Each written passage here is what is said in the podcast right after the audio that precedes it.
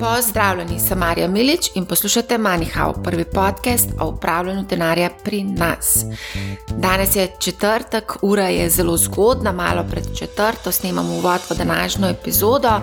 Rada se držim urnika, tako se nam reče ustvarjajo tudi navade in četrtek je dan za MoneyHow. Preden gremo na današnjo vsebino, dajmo narediti en hiter povzetek prejšnjega tedna. Prejšnji teden sva s Klaro Leban, ustvarjalko podcasta in BET, izvedli delavnico za ženske, finančno močna. Udeležilo so jo je dobrih 230 žensk, spoznale pa so, kako upravljati z denarjem, pogledali pa smo tudi osnove investiranja. Delavnica je zdaj tudi na voljo v MoneyHow oblaku za vse tiste, ki si želite osvojiti ta znanja in se lotiti upravljanja denarja. Povezavo objavim v opisu epizode. Davki, ne pozabite, do 28. februarja je potrebno dati davčno napoved za ustvarjene kapitalske dobičke, dividend, obresti iz tujine. Ne čakajte na zadnji dan, že danes vsaj pripravite vso dokumentacijo. Za ogrevanje vam predlagam, da poslušate davčno epizodo, ki sem jo posnela z davčnima strokovnjakoma Juretom Mercino in pa Ivanom Krancem. Epizoda je na voljo tudi na YouTubu, tam sem objavila tudi primer oddaje Dividend. Povezavo objavim v opisu epizode. Tako gremo na današnjo vsebino. Vse več slovencev ima sklenjene naročnine na vsaj enega ponudnika pretočnih vsebin, sama imam štiri takšne naročnine. Vojna med ponudniki pretočnih vsebin se vse bolj stopnjuje in to zdaj čutijo tudi vlagatelji, ki so investirali v delnice teh ponudnikov. Tako da v prvem delu današnje epizode bomo prečesali ponudbo, cene, vsebine, ki jo ponujajo ponudniki pretočnih vsebin, v drugem delu pa bomo z analitikom pogledali tudi na borzo. Delnice teh ponudnikov pretočnih vsebin so se kar pocenile, nekatere bolj, druge manj. Vprašanje pa je, je to sedaj lahko za male vlagatelje tudi priložnost za investicijo. Na koncu pa bom naštela tudi nekaj filmov iz sveta investiranja, iz Wall Streeta, ki se jih vsekakor splača pogledati. Zdaj pa na hitro nekaj svežih novic iz sveta ponudnikov pretočnih vsebin. Število naročnikov se Netflixu kot največjemu ponudniku pretočnih vsebin krči. To se je odrazilo tudi na borzi, vrednost delnice se je z vrha doseženega novembra lani prepolovila.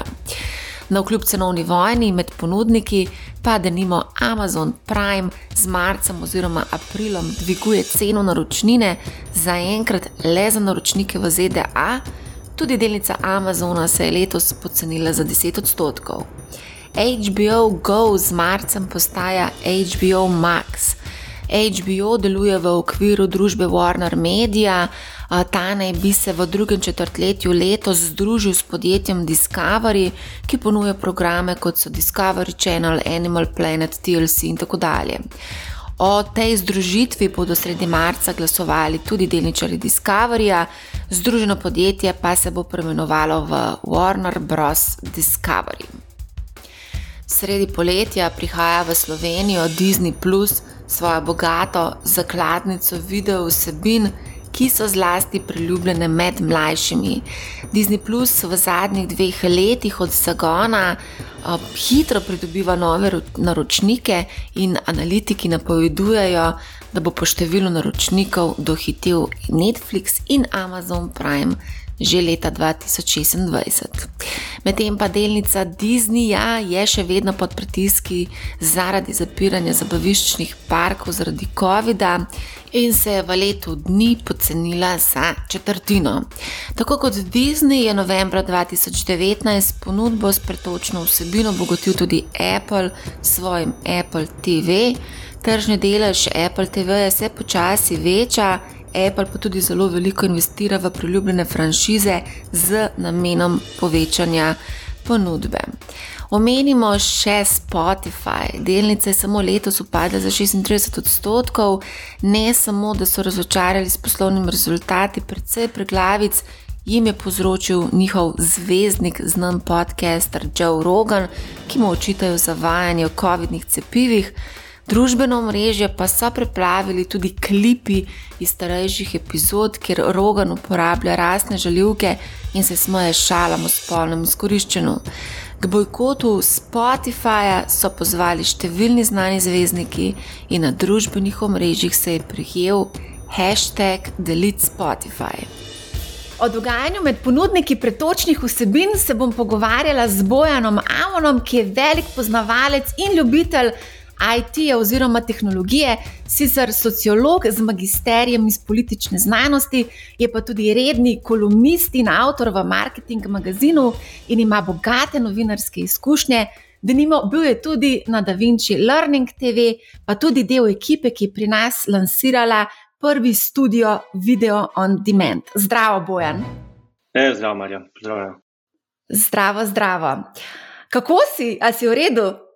Pa ja, super v bistvu. Tako, ta povr postopni povratek v normalo se mi, se mi silovito dopade.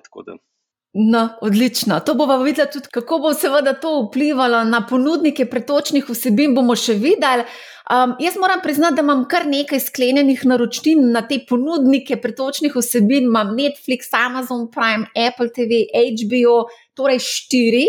Prebrala sem pa, da je povprečje v ZDA na gospodinstvo tam 3,4, je pa seveda ponudba teh, uh, ponudba teh uh, ponudnikov pretočnih vsebin v ZDA bistveno, bistveno večja kot pa seveda v Evropi ali pa pri nas. Kako pa pri tebi, koliko naročnin imaš pa ti sklenjenih? Ja, mislim, da je zdaj eh, na zadnje, no, sem nek Wall Street Journal bral pred časom, da je celo 3,6, da je celo malo naraslo lani v Ameriki. Uh, jaz pa po mojem, kaj HBO, pa Netflix, pa vojo, to se pravi tri, tako da nisem delač od tega poprečja. Um, je pa tako, ne. Um, Netflix je siguren uh, tisti, ki trenutno vodi, ne, če govorijo o številu, če govorijo o številu samih uh, naročnikov sledimo dost, uh, dost blizu Amazon, ki ima nekih 175, Netflix, ima 220, dobrih.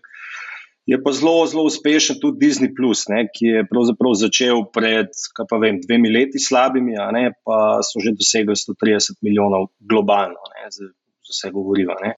To pomeni, da so, da so imeli v bistvu zelo propulzivno rast, ki se je pa Netflixu na drugi strani malo ustavila, kar je tudi. Uh, pač bilo zdaj veliko po medijih o pacu njihove delnice in tako naprej. Kar je, kar je jasno, ker število, mhm. število uh, gledalcev, število potencijalnih naročnikov je končno in ti ne moreš preko tega. Tudi uh, COVID se zdaj pač malo umerja in je tudi to najbrž nek faktor, ki prispeva k upočasnjevanju te rasti. In seveda ta trg postaja tudi vse bolj konkurenčen. ZDA ima sicer ja, več nekih svojih ponudnikov, ampak tudi Evropa se tukaj zdaj v zadnjih letih zelo razvija. In tudi neki rekel, evropski broadcasteri po izvoru imajo zdaj svoje, svoje rekel, neke offeringe, ki se širijo po Evropi. Ne. Tako da pri nas bo, po mojem, zdaj naslednje leto, dve, tri. Zelo, zelo, zelo, zelo zanimivo in zelo, zelo pestro. Ne. A se lahko močkaj vrnemo nazaj? Koliko pa misliš, da imajo slovenci v povprečju sklenjenih naročnin na te ponudnike pretočnih vsebin? Približno čez palc. A smo kje to delali, kakšno raziskavo? Mar te podatke so tako, mislim, težko je dobiti neke zanesljive podatke, ne, ker to pač seveda vsak, vsak ponudnik malo skriva, so to pač občutljivi podatki. Je pa tako, mogoče je malo specifika ne, našega trga, pa tudi druge v Evropi, da, da je ta pristop do teh storitev malo drugačen, ne, oziroma kako se pač naročniki tega, tega pravzaprav lotimo. Ne. Okay, Netflix je nekaj, kar je unikum, ki je pač posebej tržena zadeva medtem ko ostale stvari so pa pri nas skoraj vedno preko nekih drugih kanalov tržene, ali so to neki telko operaterji ali kaj drugega. In to je seveda po svoje poenostavilo zadevo samim ponudnikom, hkrati pa tudi bogati ponudbo operaterjem. Tako da za njih je win-win. Tako da jaz bi si upal reči, da, da recimo Vojo in HBO sta, sta, sta dosta razširjena. Uh, pri nas. Tako da zdaj, kakšne so zdaj te številke, to, to lahko sam pač ugibava. Ne. Nekje sem gledala neko statistiko iz leta 2020, da je Vojo na tretjem mestu, na prvem mestu je pa Netflix, na drugem mislim, da je Amazon, potem pa pride šele Vojo med, v Sloveniji. Ja, možno, le, mislim, pravim, jaz teh podatkov nimam, najbrž, to mal, najbrž se to tudi malo spremenja. Ker so pa tudi različni načini, kako so te, te neko, ponudniki štartali. Ne. Amazon je prišel iz čist iz nekega drugega konca, ne, uh, medtem ko Netflix je prišel direkt skozi kontent. Vojo je imel, po mojem, na začetku nekaj izzivov, ker, ker vsebinsko ni bil tako bogat in se je še, še le s časom ukrepil in postal, po mojem, nek ekvivalenten, če ne celo, pač, ja, vsaj ekvivalenten uh, player na trgu. Pa mislim, da imamo tudi mi tukaj malo, ne samo v Sloveniji, ampak v regiji, neke kulturne izzive. Ne? Pač intelektualna lastnina pri nas ni tista stvar, ki je ponovadi najbolj cenjena, in tudi kultura plačevanja za osebine, ne? kar so pač neka oblika intelektualne lastnine. Je, je pač nekaj, kjer je še nekaj prostora za, za izboljšave. Evo, eh, dobila sem eno raziskavo, ki mi je poslal kolega, ki se tudi s tem področjem ukvarja in sicer je vir Ampere Analysis. In, dobi, in to je podatek iz leta 2020, se bom kar takoj popravila, ker sem naredila napako. In sicer za Slovenijo Netflix uh, je na prvem mestu, Vojo je na drugem mestu in Amazon na tretjem mestu. Vsega skupaj naročnikov pa je bilo, samo sekundo, da ne bom na, na robe prebrala, 243 tisoč. Se pravi, vsi trije skupaj. Ja, to je kaj, to je nekaj tretjina gospodinstva, ne tako čez prst. Ja. Ja, meni se to zdi kar, meni se zdi kar realno. Je realno, ne? čeprav so to podatki iz leta 2020, v kaj se dogaja v 2021, bomo pač videli, to pride seveda z zamikom te podatki. Ja, omenil si, da se spremenjajo te nakupne navade, zdaj, če pa pogledamo, recimo po starosti, se mi pa zdi, da vse mlajši so kar navajeni plačevati za to vrstne vsebine, mogoče tudi, tudi ta YouTube generacija, ki v bistvu so nekako, se mi zdi, se navadili plačevati. Ne? Ja, mislim, se tudi YouTube ni več zastojna. Ne? Se vsi zdaj dobivamo na vsake to posnetko, tist, uh, tisto usiljivo, bi lahko rekel, ponudbo za tistih 8 evrov. Ne, ne, ne siguranje se tudi to spremenja.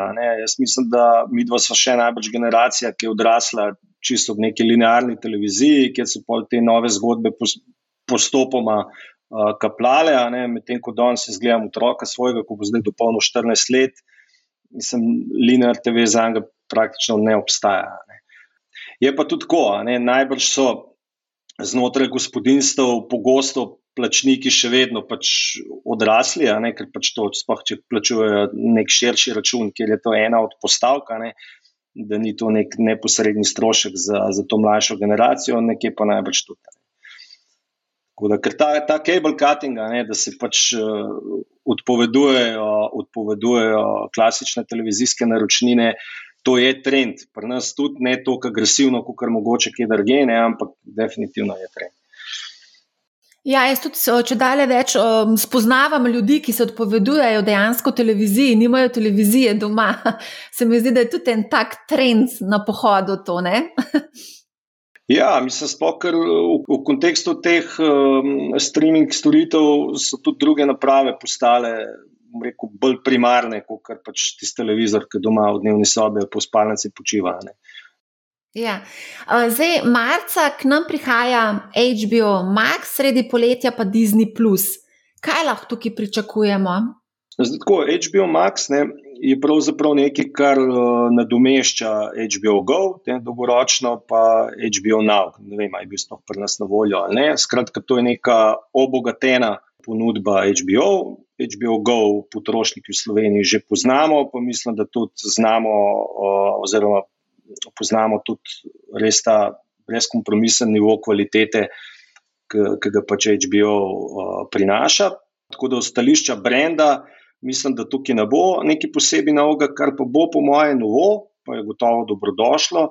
Je pa neka uh, dodatna vsebinska pestrost, ne, ker tukaj gor se bojo pojavljale tudi vsebine, ki so ne samo HBO lastna produkcija, uh, ki je seveda čudovita, ampak uh, tudi vse, kar je del produkcije hiš, ki so v istem lastniškem košu, ne, ne vem, CNN, TNT, Cartoon Network in tako naprej. Ne. Tako da v bistvu ta demografski diapazon se bo, po mojem, razširil, se pravi, širina demografije, ki jih bojo ki bojo pokrila. Ne. Zdaj, kar se tiče komercialnih uh, detajlov, je težko govoriti. Zdaj vem, da v ZDA je bila neka ponudba, pa, da pač nek omejen čas, je pač bila neka lifetime naročnina, bistveno cenej, mislim, da pa vcnej, če si v nekem časovnem roku to sklenil, drugače pa pričakujem, da bo to nekje na nivoju trenutnega HBO Go če bo šlo seveda za neposreden nakup. Ne. Zdaj pa, če bo pa nekdo, če bo pa še en operater to subvencioniral, si pa pol to lahko drugačne, drugačne cene.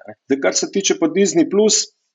Je pa tako, Disney Plus je za naš trg v bistvu čist nova zadeva, kot storitev, medtem pa to ni nova zadeva kot, kot nek brand in kot vsebina, ki jo Disney Plus prinaša. Uh, jaz mislim, da tukaj uh, gre sigurno moment, da težko najdemo nek studio, ne, ki ima pod, svojo, pod svojim držnikom tok, res tok bogat nabor neke intelektualne lastnine. Ne. Vemo, da je pred leti Disney kupil Marvel, da je kupil Pixar, da je kupil um, v bistvu Lucasfilm, ne, ki ima vso to vojno zvestno utrslačeno.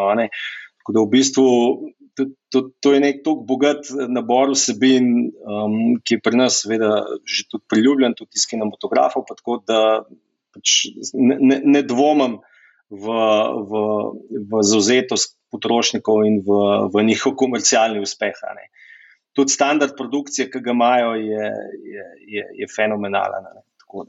Pa tudi tako je. No? Jaz mislim, da je da je to sigurno za umet, da je to strateškega pomena za Disney, zaradi tega, ker historično je bil najvišji ver prihodkov za njih, so bili pač ti zabaviščni parki, ki so seveda zdaj v COVID-u najbolj trpela. Ne. Zdaj to se počasi pobira, ampak bo seveda še trajalo. Ne.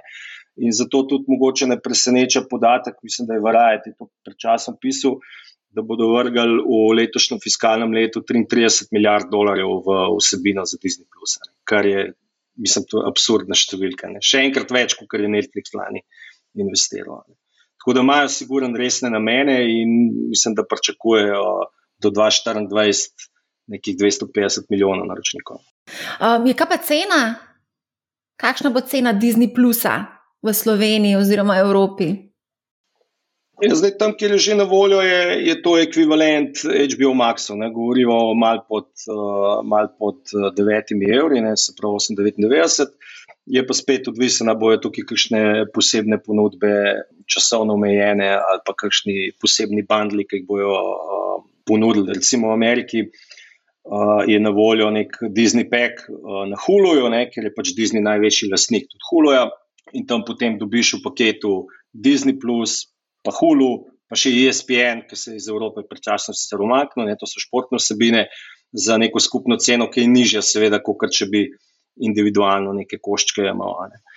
Tako da, ampak vprašanje, kaj od tega bo pri nas na voljo, jaz mislim, da klasičen Disney Plus bo, najbrž tudi vsebinsko, ker itak so potrošniki že navajeni, ne bo čist ena, ena.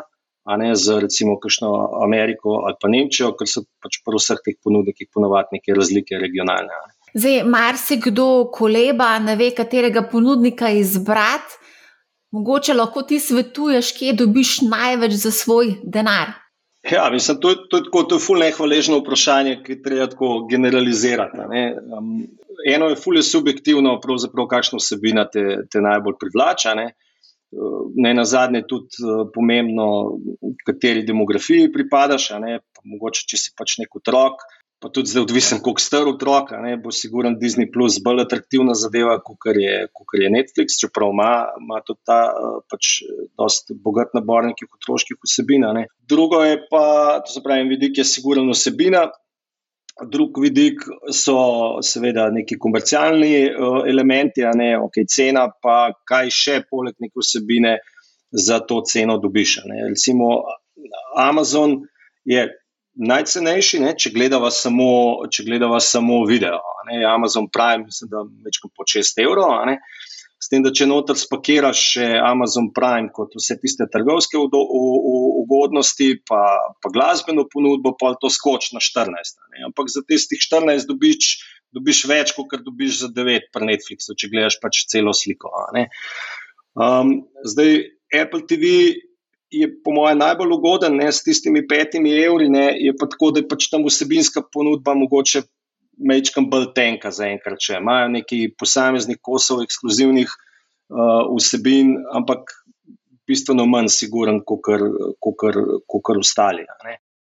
Uh, zdaj, če ti je uporabniška izkušnja, ki je nekaj, pač, da je konsistentna, pa, da se skozi nekako razvija, če je to faktor, ki ti je najbolj pomemben, pa tukaj nekako Netflix se mi zdi v največji prednosti, ne, tudi s tistimi svojimi algoritmi za, za, za priporočila. Ne. Če pa pač stvar neka lokalna ali regionalna, slash lokalna vsebina, mislim, da, da vojo sploh nima nobene resne konkurence. Ne. Ki pač je, je, je lokalen player in, in pač del populacije bojo te vsebine vedno najbolj pritegnile. In jasno, tudi nobeno drugih v to, v to, v to vsebino ne bo šlo. Ne. Tako da v bistvu ni enega tazga enoznačnega, enoznačnega odgovora. Amazon je napovedal dvig cene naročnine, um, sicer zaenkrat samo za ameriške, za na področju Amerike, uh, nekako niso želeli komentirati, ali bo tudi mednarodni dvig se zgodil. Ne? Kako pa to komentiraš? Ja, mislim, da je tako. Mislim, da je tudi Netflix napovedal v Ameriki že nek dvig, pa napovedal je tudi, da se bo začel ostreje boriti proti um, izmenjavi teh gesel za dostop. To mislim, da je nekaj, kar imajo vsi ponudniki. Problem, ker pač tehnično je to zelo težko omejevati. Um, jaz pričakujem, da se bo to zgodilo tudi v Evropi. Stroški, ne, ki jih imajo z vsebino, seveda naraščajo. In tudi ekskluzivna osebina je tista, pa lastna ekskluzivna osebina je tista, ki pač največ stane. In s tem, ko bo to naraščalo, vse del tega stroška bojo gotovo želeli prevaliti na, na, na potrošnika. Ne. Tako da pričakujem, da bo šlo tudi tukaj v to smer. Kako pa je z, v Evropi s temi ponudniki pretočnih vsebin? Ker neka ločnica je med uh, vzhodno in zahodno Evropo. Ne. Na zahodu so že nekaj časa na voljo. Um, določene storitve, ki pri nas niso, ki zdaj še le k nam, recimo, prihajajo. Ne, recimo, tak primer je Pico, Comcasta, pa ne, Disney, ki bo zdaj prišel tako. Ampak so tudi neke, bom rekel, regionalne zgodbe, kot je recimo Viasat of Viaplay, ki ga pri nas tudi še ni, pa je mogoče tudi uspešen. Že recimo v Skandinaviji, tako da sigurno je Zahodna Evropa bogatejša v tem kontekstu. Je pa fulj zanimivo, recimo, pogledati to, te razlike med posameznimi trgi, kjer ponudnik ima kakšno penetracijo. Ne. In recimo pri Netflixu neka raziskava je bila, mislim, da pred leti se je pokazalo to, da več kot je neke produkcije iz posameznega trga, večjo penetracijo ima tam. Pač Netflix, ne. recimo Švedska, Finska, Norveška, so imeli kar nekaj svoje produkcije gor in, in tam so imeli zelo visoko penetracijo na tistih trgih, više kot kakšni drugi ponudniki. A gremo mogoče pogledati malo posamezne ponudnike, um, malo ponudbo, ceno, kaj, kaj vsi gledalci naj, najraje pogledajo. Pa da je začeti najprej kar z Netflixom, ki je pač največji ne? in najdel časa na trgu. Ja, zato Netflix ima siguren um, najboljšo, bi rekel, to, če govorijo tehnično, ne, podporo za najbolj, za najbolj pester nabor različnih naprav. Ne. Se pravi, ta njihova aplikacija je zelo dobro zdizajnirana, ima zelo konsistentno uporabniško izkušnjo, pač ne glede na to, kje se, kje se uporabnik tega lota. Um, in, in to je sigurno nekaj, kar prispeva k, k nekemu uspehu. Ne. Uh, imajo ogromen nabor vsebin, ki sicer zadnje leta raste, predvsem na račun, last, na račun lastne produkcije, zaradi tega, ker so pač začeli drugi ponudniki, drugi studiji to vsebino pač postopoma umikati, pa dajati k sebi. Tipičen primer je Disney. Danes na, na Netflixu več več od Disneyja ne najdeš, ker je vse na Disney. Plus, ko, je Disney, ko je Netflix začel, pa je to bilo. Ne. In mislim, da tehnično zaenkrat ne znajo omejiti, oziroma ne omejujejo tega deljenja, deljenja passworda. Ne. In pač kar nekaj teh vsebinskih kosov njihovih uh, je v bistvu v zelo kratkem času dosegel nek kultni status. Ne. Kle so serije, ne vem, Bridgerton, uh, Money Heist uh, The Crown, mislim, to so tako stvari, ki so ikonične, pa to v, v letu dveh. Vem, Irishman, mislim, to je skorseze, to je, to je večno, ne pač Netflix. Ne. Tako da in tudi ta njihov recommendation engine, ki ti pravzaprav zna na podlagi neke zgodovine malo sugerirati, kaj bi te še zanimalo, je tudi zelo dobro razvit. Kar mogoče je nekaj, kar tam koga motne, je, je, je v bistvu ta nek ta neka relativno visoka fluktuacija vsebin. Ne. Saj ti izdelki, ki ga oni kupujejo od drugih, se relativno hitro relativno hiter menja. Ne. Tako da to je tisto mogoče, kar koga zmot. Pa pri vseh je, po mojem, problem, da zdaj, veš, ta bogatost vsebine je tako malo dvorezen meč. Ne. Jaz mislim, da danes, pa to ni sam Netflixov problem, ker Amazon ima še več v bistvu vsebine, kot Netflix. Ni več problem, kaj gledati, problem je, kaj ne gledati. Ne. Tako da v bistvu ta čas, ko se človek odloča, kaj bi pravzaprav sploh gledal, se po mojem sam podaljšuje. Pa tudi v bistvu zanimiv model ima. Ne. Netflix preprost, imaš mislim, da tri različne cene, glede na to, v kakšni ločljivosti bi gledal, koliko naprav, oziroma koliko streamov, tako da so, so tudi tukaj fleksibilni. Ne prišla od 8 do vem, mislim, 15 evrov, 14 koliko je. Mogoče bi tukaj še omenila tudi tujo produkcijo, zelo uspešno, recimo Squid Game, to je ena taka vrhunska uspešnica, tudi na, na Netflixu se je predvajal. Ne? Si gledal? Ne, nisem, ampak tako. Koreja je pa sploh nek konc, ki bi si mislil, da mislim, ne bi pričakoval, da bo od tam prišla neka tako masovno uspešna stvar. Ok, a greva naprej na Amazon Prime cena, ponudba, kaj se gleda. Ja, zdaj, osnovni Amazon Prime, ne, oziroma Amazon Prime Video, je, je večkrat cenejši, 5,99. Zdaj, nabor vsebine je tam v bistvu še večji. Ne. Mislim, da ima ne, mislim, neki hude številke, kot filmov, pa teh serij. Ne. Je pa tako, da pač malo je to kvaliteta, kvantiteta. Tako da, če bi to, to ocenjeval, mogoče trenutno malo zaostajajo za, za, za Netflixom. Pričakujem pa, da se bo to dosti hitro popravilo, zaradi tega, ker a, veliko investirajo.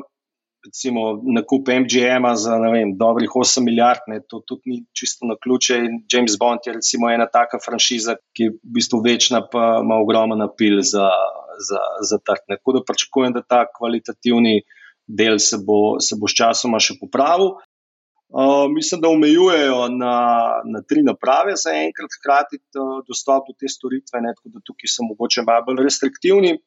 Je pa tako, ne, zdaj eno je Amazon Prime Video, drugo je pa, kot sem prej omenil, nek Amazon Prime, ki je pač širši paket, ne, kjer imaš pa neke benefite kot uh, kupec v njihovi trgovini, ne, ne vem, free delivery, pa kakšne posebne ponudbe za kakšne produkte, pa tako naprej. Ne, in zraven ti dajo seveda še Amazon Music, ki je pa pač vem, Apple Music ali pa Spotify, neki ekvivalent, ne, in to vse pol del pač tega paketa za nekih 14 evrov, kjer si v bistvu nekako na nekem ekvivalentu z, z Netflixom, ne, če vzameš ti HD oziroma šterka paket. Ne. Tako da v bistvu nekako veljo formani pol skoraj bolj na strani Amazona. Ne. Zdaj, odvisen spet, koliko ti to pomeni. Če si zdaj redni kupec tam na Amazonu, pa imaš mogoče še Kindle, pa še tam še knjige kupuješ, pa ne kaj, pa mogoče ima to pol res nek ekstra apel, če pa ne, pa, pa, pa, pa ne. Um, a greva na HBO, ker Disney Plus pride polet. Uh, Rekl si, da bo cena približno na nivoju HBO Max, ne? produkcijo se že tako meni, kakšno ima, tako si poznamo te Disneyjeve filme. Jaz pa tudi mislim, da bodo imeli zelo zvesto publiko, ki se bo večkrat eno in isto pogledala. To so pa mladi, ki zelo radi gledajo risanke in jih po 20krat lahko pogledajo, kot da bi jih prvič gledali. Ne? Ja, siguran, to je ta nivo engagementa, je v bistvu čist drug. Ne? Veš, mi nekaj pogledamo in te cita, ne? oni pa nekaj ur. Ne? Je pa tako zanimivo ta engagement skuša, recimo Netflix, na nek način dvigati. Zdaj so začeli pač še neke videoigre ponujati, ne, ker je nek, neka čist druga žval za, za njih, ne, glede na to, odkje prihajajo, ampak cilj imajo v bistvu vsi isti. Čim več v bistvu tvoje pozornosti, jasno, tudi evrov, dobiti k sepa. Ne. Tako da zdaj HBO Max, ne, jaz mislim, da. Da, klenim benga dvoma, ne. oni, bojo, oni bojo, po mojem, nadaljevali z, z, z nekim uspehom. Ne. Mislim, produkcija njihova je, je tudi spektakularna. Ne? Mislim, da razni sopranosi, pa Band of Brothers, pa take mogoče malo starejše stvari, ki so seveda pomemben element njihovega, njihove library ponudbe, ki je skozi pač na voljo. So, so itak ne pozabni, ampak tudi kakšne novejše, novejše serije, tipa Succession, Kerber Enthusiasm, to je nekaj, kar je pač silovito popularno in ne nadomestljivo na nek način. Ne. Tako da jaz mislim, da Pa če tukaj dodava še, kar bo prišlo iz CNN, kar tu Network, TNT, jaz mislim, da bojo ljudje praktično za isti denar, kot danes, dobili še več. tako da ne dvomim v, v uspeh tudi pri nas. Sploh glede na to, da je brand v bistvu poznan, imajo tudi v bistvu zelo dober. Če temu rečem, marketinško urodje tudi v obliki svojih lastnih linearnih kanalov, ne, če ne drugega, pač um, uspodbujajo neko uh, poznavanje pa, pa zavedanje na strani potrošnikov. Kakšno pa tvoje mnenje o Apple TV? Ja, zdaj, tako Apple TV je prišel čisto iz drugega konca, ne, ampak um, vsi ne, imajo za cilj človeka spraviti v svoj ekosistem ne, in ga v bistvu tam vrteti. Če pogledamo, veš. Apple TV ima, mislim, Apple ima neke svoje naprave, ne? Pa telefone, pa neke pametne zvočnike, pa računalnike, in tako naprej. Ne? Amazon ima tudi neke svoje naprave, pa neke tablice, pa spet tudi neke zvočnike, in tako naprej. In cilj je fundamentalno isti, ne samo iz različnih koncev so te ponudniki prišli. Ne? Jaz mislim, da Apple ima to, bom rekel, prednost, ne, da. Apple uporabniki so, so zelo zvesti. Ko pač stopijo v ta ekosistem, pa pol je seveda, pa imajo računalnik, pa telefon, pa so slušalke, pa nekaj pol nekako kar ustanejo v tem v temu ekosistemu. Tako da tukaj sigurno imajo neko, neko prednost, pa tudi neke ugodne ponudbe imajo um, za, za, za nove naročnike, ne tri mesece za stojn, pa take. Ne. Plus, ne, širijo v bistvu nabor. Najprej okay, je bil nek Apple TV. Pa je zdaj že nek fitness, pa je nek Apple Arcade, ki so neke igrice. Ne? Tako da v bistvu tukaj samo dodajajo v bistvu število razlogov, s katerimi želijo pač potrošnika, potrošnika prepričati. Jaz, recimo, z Apple TV nimam, nimam izkušnje, ker se pač nisem še na to naročil, ker se že tako pač malo časa temu posvečam kot gledalec. Pa zdaj še eno stvar, med se mi zdi overkill. Ja, jaz sem se pa kar naročila tudi na Apple TV. Pogledala sem na tanko dve seriji, do zdaj Ted Lasso in Morning Show. Osta, mislim, ponudba je res zelo skromna. No? Dobiš pa to brezplačno opcijo, da lahko testiraš, ampak se pravi, ponudba je zelo, zelo skromna. A gremo mogoče pogledati še Spotify. Tukaj se je pa kar precej dogajalo. Ja, malo je bilo kontroverznosti z, z tem. Uh, Roganom, ne, ki pač uh, ima neke svoje poglede na, na aktualne, bom rekel, epidemiološke situacije. Ne. Spet je to nek način, ne, da je en tak brand, ne, če pač ta Rogan nek brand, ki ga pač narod pozna. Vem, nekje sem prebral, da naj bi mu 200 milijonov plačali, nekaj tazga, ne vem, če ta številka drži, da so ga dobili. To je pač način ekskluzivna neka vsebina ne, je nek način, kako ljudi pritegneš. Se tudi te streaming providerji za video so v bistvu na podoben način lotevajo. Vsak ima nekaj svojega ekskluzivnega in skuša na ta način pritegniti neke ljudi v svoj ekosistem in jih idealno tam zadržati. Ne. Jaz mislim, da je. Je pri Spotifyju ta, ta, ta, ta korak zelo podoben. S tem, da se je izkazalo, pred časom je Wall Street Journal um, obširno v tem opisu, ne, da je bistveno lažje pritegniti ljudi ne, z nekim ekskluzivnim kontentom, kot jih pa zadržati. Ne. Ker so pač pogledali, kakšen je bil osip v šestih mesecih, potem, ko je bila neka ekskluzivna serija uh, lansirana kot nek uh, trigger za, za spodbujanje naročnine, in je približno pol gledalcev v tisti polovici leta. Od tistih novih, ki so takrat naročili, pač že odšlo. Ne. Tako da v bistvu ta um, retention je, je v bistvu dosti zahtevna zadeva. Ne. S tem, da tukaj je nek drug element tudi. Zdaj, to je že skoraj malo politično vprašanje, kako se je pripravljen nek, nek ponudnik uh, enega tacga voditla držati ali pa ne držati. Ne. Kako pa kaj z lojalnostjo med temi ponudniki? Zdi se mi, da zelo, vse to se zdaj lepo povedo, no? zdi se mi, da zelo hitro so pripravljeni zamenjati providerja ljudje. Pač testirajo video, ni mi všeč, naslednji mesec grem že k drugemu. Jaz mislim, da bo to ostalo, dokler bodo te modeli naročniški taki, ki so. Ne? Ko se bo pa pojavilo in to se čez nas zgodi, oziroma že danes, če ti vzameš preko kakšnega operaterja, kakšno od teh storitev, se moraš za neko ugodno ceno lahko da že vezati za neko časovno obdobje. Ne? In ko se, ko se bo v bistvu ta model neke časovne vezave vzpostavil posodne, pa bo pa ta, ta prehod, pa ta zelo frekventna migracija med posameznimi ponudbami otežena, bo po mojem ta fluktuacija tudi padla.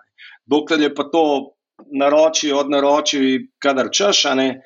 Uh, je pa to pol bistveno bolj enostavno, ne? pa ljudje pa lahko malo kolobarijo. Treba za zaključek še YouTube mogoče malo pokomentirati. Omenil si, da je cena kaj 8 evrov, 9 evrov na mesec? Mislim, da je nekih 8, no, vsake tok dobim tisti uh, tist banner, ko, ko kaj pogledam.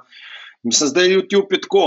Zdaj, jaz mislim, da tam je bilo historično pač nekaj izzivov z, z kredibilnostjo in da svoje čase, mislim, da so celo neko besno tožbo fasali zaradi uh, kupa nekih piratiziranih vsebin tam gora. Uh, in tudi um, pač težko je, po moje, ne na zadnje, to še vedno user-generated content predominantno. Ne, ne, težko, po moje, ta kvalitativni nivo neke produkcije tipa HBO s tem primerjati.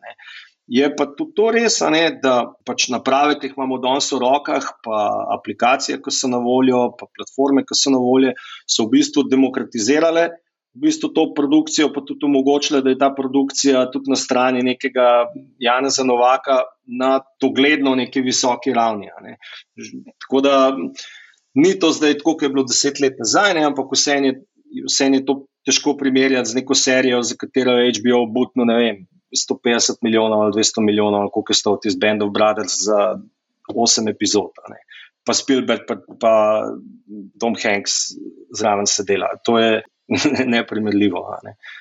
Tako da, po mojem, oni bolj, bolj ciljajo na to, da pač nek del ljudi bo pač to kupil, zato da se znebijo tistega tistega bannerja. Tako si jaz to razlagam.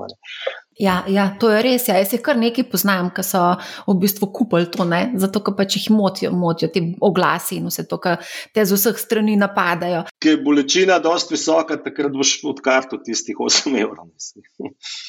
Ja, ja, ja. Um, te mi povej, katero serijo ali pa film si boš pa ti zdaj pogledal, zdaj so še počitnice.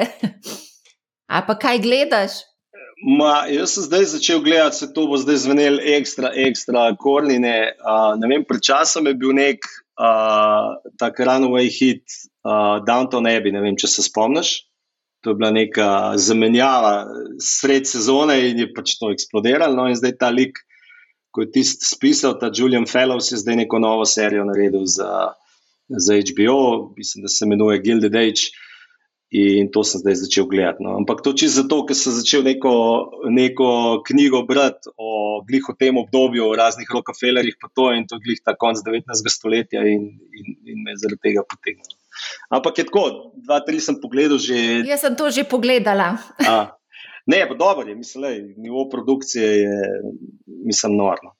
To pa, veš kaj, čakam še na uh, fansom tega le na Netflixu, Stranger Things. To ima ta throwback na na te otroške pustolovske filme, ki so bile tam v 80-ih, Guinnessi, pa to, to kar smo jih tako si pogledali. No, in ta, mislim, da bo zdaj četrta sezona. No, tako da to, to me je tudi kar zahaklo. Ja, ja, ja, se strinjam, fajn, super. Ja, neč, uh, mislim, da smo kar obdelali to tematiko. Uh, jaz bom nadaljevala še z analitikom o delnicah, sej praktično vse te družbe tudi kotirajo na borzi, tako da bomo še pogledali ta analitičen del. Tako da najlepša hvala Bojan za tvoj čas in za vse, kar si v bistvu nam povedal. Ne, z veseljem, Marja, le dan. Z menoj je Doman Granda iz NLB skladi in pogledala bova, kaj se je dogajalo oziroma se dogaja z delnicami ponudnikov pretočnih vsebin. Zdravo, Doman. Pozdravljena, Marja. Predvsej pester začetek leta na borzi SP 500, ki spremlja 500 največjih ameriških blue chipov, je upadlo za 10 odstotkov, tehnološke delnice v Nasdaqu so se pocenile za 14-15 odstotkov. Razlogov za prepih na borzi je več, mogoče lahko kaj več poveš o tem? Ja, zdaj tako ne. Takrat, eh, ko so delnice zrasle, recimo Nasdaq za 14%, se nismo kaj veliko sprašvali. Zdaj, ko je slika drugačna, se začnemo sprašvati. Zdaj, glavni razlog v letošnjem letu je sigurno uh, te neka nova pričakovanja o bistveno hitrejšem dvigu obrestnih mer, kot je bilo to pričakovano še par mesecev nazaj. Ne. Se pravi, inflacija je postala nek resen problem. Hkrati imamo pa še recimo rusko-ukrajinsko krizo, ki tudi še neko negotovost prnese. Tako da z tega naslova je do tega prišlo. Za nas je to nekaj čisto običajnega, se pravi, del investiranja, kaj ne rečemo. Ja, te upadi se dogajajo pač redno, pogosto. Um, je pa tako, da rusko-ukrajinska kriza ni redno na sporedu, tako da mogoče pa vse en to element presenečenja, mogoče v začetku tega leta tudi povišena inflacija v Ameriki, sedem odstotna trenutno, s tem, da je tudi ameriška centralna banka napovedala, da bo zmanjšala odkupe vrednostnih papirjev. Se pravi, če, če se pogovarjamo o nekih treh dvigih obrestnih mer ali pa sedmih, je to bistveno drugače, sploh ko govorimo pravi, za te delnice, tehnološke iz Nazdaka, ki so, ki so predvsem neka podjetja z visoko rastjo poslovanja. Se pravi, če imamo pa više obrestne mere danes, pa to pomeni, da tudi želimo več denarja danes uh, in manj v prihodnosti. Ne. Se pravi, je tudi nek se zgodil ta shift iz, iz growth v value delnice. Ne. Stalno se dogajajo šifti, omenjala sva spore oziroma napetosti Rusija-Ukrajina, vojna divja pa že kar nekaj časa tudi med ponudniki pretočnih vsebin. Konkurenca je kar huda, to se odraža tudi konec koncev na vrednosti delnic največjih ponudnikov Netflix, Disney, Amazon, Apple. Mogoče lahko tukaj kaj več poveva, recimo Netflix in uh, Spotify sta se v roku leta dni prepolovila v bistvu vrednost delnice. Zdaj, recimo, če se najprej dotaknemo Netflixa, ne, pri Netflixu je bila zanimiva zgodba tega, ker se je aktivno začel vključevati, se pravi, Disney, napovedal svojo storitev Disney. Zdaj, uh, tukaj Disney ima zadnji močno zaledje, je začel delati zelo dobre vsebine, se pravi, je zelo močna dodatna konkurenca Netflixu. In če gledamo, recimo, zadnjo obdobje, kaj se dogaja, Netflix je recimo napovedal neko rast uh, pod pričakovanji tudi dosega rast uporabnikov pod pričakovanji, na drugi strani Disney Plus pozitivno preseneča. Se pravi, Disney Plus je dostal več, kot so vlagatelji pričakovali, medtem ko Netflix manj in to se logično pozna uh, tudi v, v cenah obeh delnic. Kar malce presenečenje je bilo pa tudi ob objavi rezultatov Amazona na tisti dan, mislim, da so delnice poskočile za 15-20 odstotkov. Ja, tukaj, tukaj gre za stvar nekih pričakovanj, pride neko obdobje, recimo, boljšega poslovanja, vlagatelji se na to zelo hitro odzovejo. Uh, je pa tako, ne se pravi, sploh če gledamo nek Amazon, oni imajo zelo široko ponudbo, se pravi, tudi zelo pomemben je ta segment storitev v oblaku, uh, tako da tukaj je bistveno širše področje. Uh, in predvsem, kar je zanimivo, ne, oni imajo recimo ta svoj Amazon Prime, ne, in je zanimivo, tisti, ki so tudi v Amazon Prime vključeni, ne, na koncu tudi več zapravijo uh, v njihovih trgovinah. Se pravi, to je, to je tisto, kar je, kar je neka, neka komplementarna storitev, ne, kar, kar je prednost. Recimo, tako ima tudi Disney ima, ima tudi neke prednosti napram Netflixu, ki ima zraven tudi neke svoje parke, ne, se pravi, vse skupaj uh, združuje neko celoto, lahko ponudi tudi neko, oziroma zagotovi si neko dodatno lojalnost uh, strank. In marsikdo, glede na to, da so delnice nekatere upadle za 10, 20, 30, 40 odstotkov, nekako mogoče špekulira, ali je zdaj pravi čas za nakup. Jaz sem tukaj pogledala Bloombergova priporočila analitikov, večinoma so zelo, zelo optimistični, napovedujejo oziroma priporočajo nakup, recimo 100 odstotkov analitikov, recimo priporoča nakup Amazona in nekje na srednji rok, ne bi se celo uspela cena tja do 4000-4200 dolarjev za delnico iz trenutnih 3000.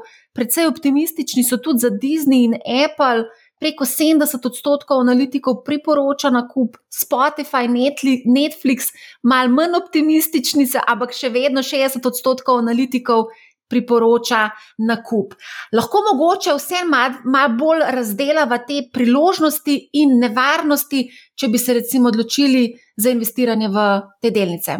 Seveda, zdaj, kar je, kar je ključno, ne, mogoče ključna stvar je, recimo, če gledamo celotno industrijo nekih pretočnih vsebin, je, da tukaj uh, je trg globalen in je še zelo velik, se pravi, in tudi potencijala in pričakovanja so, da se bo ta segment še močno krepil v prihodnosti. Se pravi, govorimo o neki industriji, ki raste. Zdaj, kaj na drugi strani? Na drugi strani imamo tudi nadpovprečna vrednotenja teh podjetij, nadpovprečna pričakovanja. Zdaj, kar se tiče nakupa teh podjetij, je sigurno zdaj le boljši čas kot tri mesece nazaj. Ne?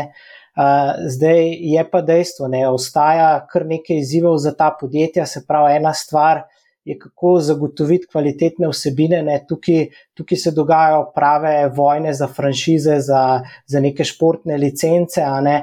in, in tudi zneski dosegajo visoke cene.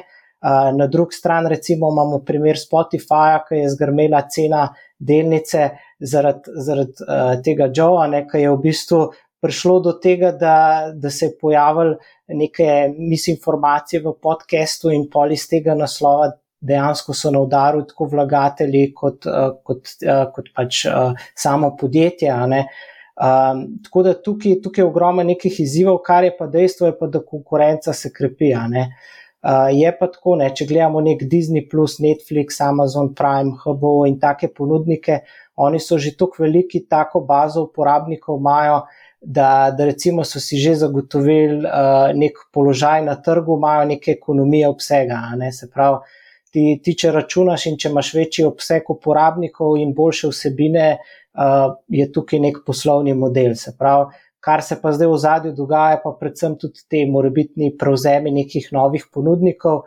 kjer je predvsem ta izziv, ne, kakšno ceno na koncu podjetje plača za, za nekega uh, prišleka v industriji. Uh, sigurno je pa to po številu uporabnikov neka takojšen skok števila.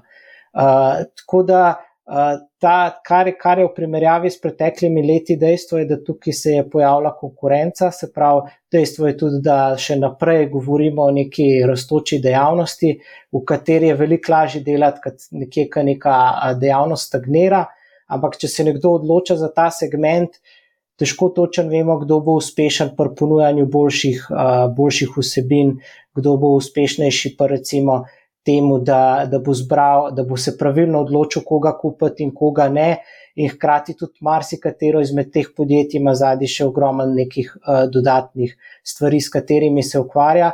Tako da tukaj, tukaj je tisto splošno, uh, splošno, tisto splošno priporočilo, se pravi, da kadar se ozirate v to panogo, mogoče oziroma industrijo, ne, se ne ozrete samo v eno podjetje, ampak recimo razpršite svojo stavo. Ne, se pravi, če bi imeli vi Netflix, pa Disney, bi bili bistveno manj prizadeti, kot recimo, uh, če bi imeli samo uh, Netflix. Ne. Tako da in isto, ne, recimo, uh, Spotify je pokazal, ne, kako lahko nek. nek Kaj bi rekel, nek razplet uh, nesrečnih okoliščin prevede do tega, da v bistvu uh, vlagatelji ogromno izgubo utrpijo. Ne. Zdaj, klej je sicer zanimiv, ne, po en stran je mogoče to tudi priložnost, ne, če, če bojo uspeli čez to, ne, ampak glavni, glavni pogoj je seveda, če je pa dejstvo, da to podjetje kupite bistveno cenejše kot, kot pred določenim časom nazaj. Res je, res je. Uh, tudi če investiramo, recimo, če nismo tako nagnjeni k tveganju, ta razpršena košarica je še zmeraj najboljše priporočilo. Če investiramo v recimo SP 500, so vsa ta podjetja tudi vključena, tako da nič ni narobe, če investiramo v bodi si vzajemni sklad, ki ima naložbeno politiko v Ameriki, ali pa sami investiramo v ETF, ki sledi uh, SP 500. Točno tako. In tukaj je tudi mogoče ta prednost vzajemnih skladov, ETF skladov, kakorkoli, se pravi, neka razpršenost, enkrat dela neka industrija, boljš, drugič druga. Recimo, tle je tudi primer, recimo, kaj ne vemo, a se bo, recimo, a bo še veliko vprašanja po novih uh, digitalnih vsebinah ali ne, ne. Recimo, Disney je zanimiv, kam ima nek naraven hedge, se pravi, oni na en stran če bo sproščanje ukrepov v njihovi parki super laufal, če ne bo sproščanje ukrepov, bo pa, bojo pa digitalni naročniki hitrejši rastli od pričakovane. Ne. Tako da um, to je v glavnem tako in, in to nekako treba izmer razmišljati pri investiranju tudi za vidika tveganja, ne, ne razmišljati samo o donosnosti. In, in včasih je dejstvo, da je dolgočasen kupiti nek vzajemni sklad, če imaš lahko ti na drugi strani nek Netflix neposredno, ne, ampak dolgoro, za dolgoročni uspeh na, na delniških trgih je pa sigurno uh, to najboljši možen pristop. Super, za konec, katero serijo film si boš pogledal, mogoče v prihodnih dneh, tednih? Ha, ne, nimam še nič zbran, tako da sprejemam predloge. Domača naloga. Velja, velja. Vela, odlično, najlepša hvala za pogovor in želim ti lep dan. Hvala tebi, Marja. Živijo. Za konec pa naj omenim nekaj najbolj znanih filmov z Wall Streeta. Če boste imeli čas, vam priporočam, da si jih pogledate. Hollywood namreč zna to vrstne zgodbe predstaviti na razborljiv način, kjer ne manjka akcije, pohlepa, škandalov, prevar, manipulacij in vse, kar dober film potrebuje. Klasika, ki jo vsakomur priporočam, je seveda Wall Street iz leta 87, prikazuje življenje Gordona Geka, ki ga igra Michael Douglas, in pa seveda trgovanje na najbolj znani ulici finančnega okrožja v New Yorku, Wall Street. Tam imajo sedež številne finančne inštitucije, vključno z New Yorško borzo. Seveda priporočam tudi novejši film Wall Street 2: Denar nikoli ne spi. Klasika, ki prikazuje moč pohlepa in želje po hitrem zaslužku, je Vogue iz Wall Streeta, The Wolf of Wall Street, ki prikazuje resnično zgodbo newyorškega borznega posrednika, igra ga Leonardo DiCaprio, v filmu pa se pojavi tudi slovenska igralka Katarina Čas. V epizodah Money House sem že večkrat omenjala tudi legendarni film The Big Short, velika poteza, ki prikazuje, kako je finančni genij Michael Burry napovedal finančno-gospodarsko krizo leta 2008. Mogoče zanimiv film tudi Gold, torej Zlato z Matthew McConaugheyjem na čelu. Film je posnet po resničnih dogodkih o vzponu in padcu iskalcev zlata. Za vse, ki ste izgubili motivacijo za, za osebno rast in napredovanje, svetujem, da si pogledate film V iskanju sreče, The Pursuit of Happiness. Gre za resnično zgodbo, igra glavnega igralca, igra Will Smith, pripoveduje pa zgodbo o tem, kako je glavni igralec s sinom živel v zavetišču, spal na ulici in hkrati delal pripravništvo v prestižni borzno-posredniški hiši. Filmov o investiranju je res veliko, recimo Inside Job, Boiler Room, Margin Call, Too Big to Fail, Other People's Money, American Psycho, Enron, The Smartest Guys in the Room. Skratka, filmov in serij, ki prikazujejo življenje investitorjev, finančnikov, je veliko, lahko si jih tudi pogooglate in sicer upišite The Best Stock Market Movies in The Best Finance Movies. Če imate kakršno koli vprašanje, mi pišite na marja.afnabusinessspace.com ali preko katerega od družbenih omrežij. Naročite se na podcast MoneyHow, zelo bom vesela, če boste posredovali informacijo o podkastu prijateljem, znancem, sorodnikom in vsem, za katere menite, da bi jim vsebina lahko koristila. Poslušajte MoneyHow, ne bo vam žal. Lep pozdrav!